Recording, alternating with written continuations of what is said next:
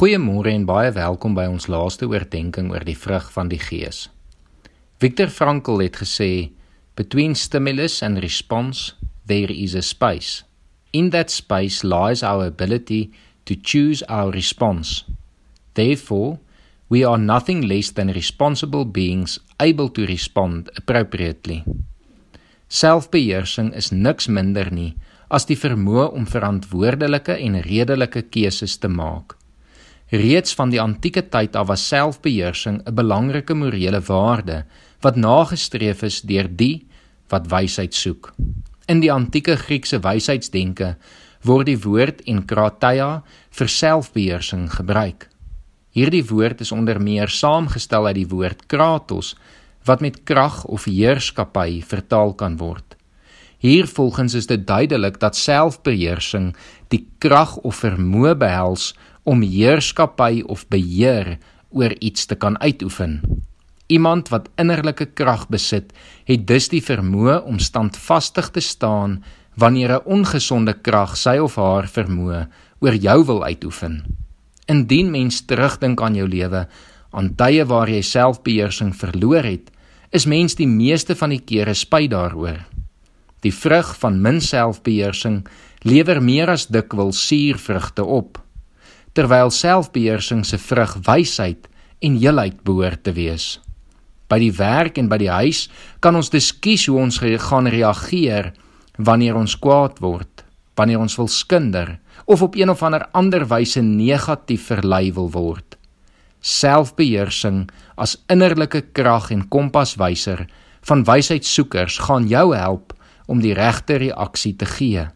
Die gevolg daarvan is dat jou kollegas, personeel of meerderes met tyd respek, vertroue en omgee vir jou sal ontwikkel omdat jy in verskillende kontekste gewys het dat selfbeheersing en wysheid deel van jou mondering is. Die innerlike krag van selfbeheersing wat die Heilige Gees in jou lewe vir jou gee, bemagtig nie net jouself nie, maar uiteindelik bemagtig dit ook ander. Negatiewe energie smeer maklik af van ander, maar so ook positiewe energie. Ons ken almal mense by wie ons ware wysheid en selfbeheersing aanskou het en dit het ons geïnspireer. Net so kan jy iemand wees wat ander inspireer deur selfbeheersing as vrug van die Heilige Gees in jou lewe te laat uitsprei. Mag ons op hierdie wyse ook dit duidelik maak vir die wêreld dat ons na die beeld van God gevorm word. In 1 Pet in 2 Petrus 1 vers 3 tot 11 lees ons 'n kosbare stukkie van die Nuwe Testament. Sy goddelike krag het ons alles geskenk wat ons nodig het om te lewe en hom te dien. Dit kom deurdat ons hom ken wat ons geroep het deur sy heerlikheid en mag.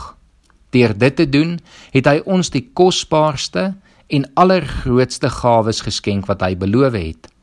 Daardeur kan jy die verderf ontvlug wat deur begeerlikheid in die wêreld werksaam is en deel kry aan die goddelike natuur. En juis om hierdie rede moet julle alles in die stryd werp om julle geloof te verryk met deegsaamheid, die deegsaamheid met kennis, die kennis met selfbeheersing, die selfbeheersing met volharding, die volharding met godsvrug die godsvrug met liefde onder mekaar en die liefde onder mekaar met liefde vir alle mense. As julle dit alles besit en dit neem steeds toe, sal julle met ywer en met vrug ons Here Jesus Christus beter leer ken. Iemand wat hierdie dinge nie sy eie gemaak het nie, is kortsigtig. Nog erger, hy is blind en het vergeet dat hy van sy vroeë sondes gereinig is. Daarom moet julle julle des te meer daarvoor beywer om deur julle lewe te bewys dat God julle geroep en verkies het. As julle hierdie dinge doen, sal julle nooit struikel nie en dan sal daar vir julle vrye en feestelike toegang wees tot die ewige koninkryk van ons Here en Verlosser, Jesus Christus. Mag elkeen wat hierdie week geluister het, deur God gevul word met God se vrug met die vrug van die Heilige Gees en mag ons dit alles onder sy leiding met selfbeheersing in ons lewens toepas sodat ons vrug aan hierdie wêreld sal dra en God se beeld sal uitstraal. Kom ons bid saam. Here, dankie vir hierdie week. Dankie dat U ons weer geleer het wat U vrug alles behels.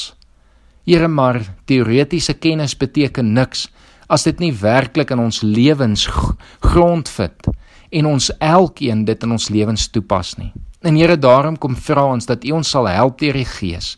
Vul ons met U vrug, Here, en mag ons dit dra tot verheerliking van U heilige naam. Amen.